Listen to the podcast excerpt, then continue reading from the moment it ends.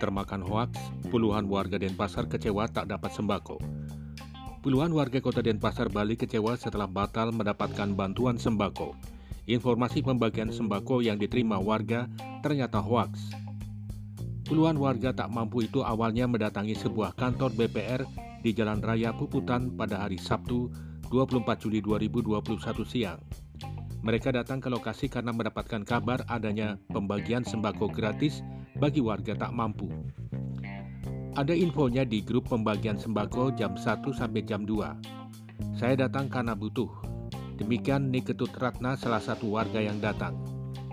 Demi mendapat bantuan sembako tersebut sejumlah warga mengaku meninggalkan pekerjaan mereka. Bahkan ada yang datang dari jauh membawa anak demi mendapatkan bantuan sembako. Saya dapat infonya dari media sosial katanya. Ada pembagian sembako. Sampai saat ini ternyata tidak ada. Demikian kata Kuntari warga yang datang membawa anaknya. Setibanya di lokasi puluhan warga itu hanya mendapati kantor BPR dalam keadaan tertutup. Mereka kecewa dan meminta kejelasan. Petugas keamanan BPR yang melihat puluhan warga berkerumun di depan kantor pun segera bertindak dan meminta warga membubarkan diri karena terjadinya kerumunan.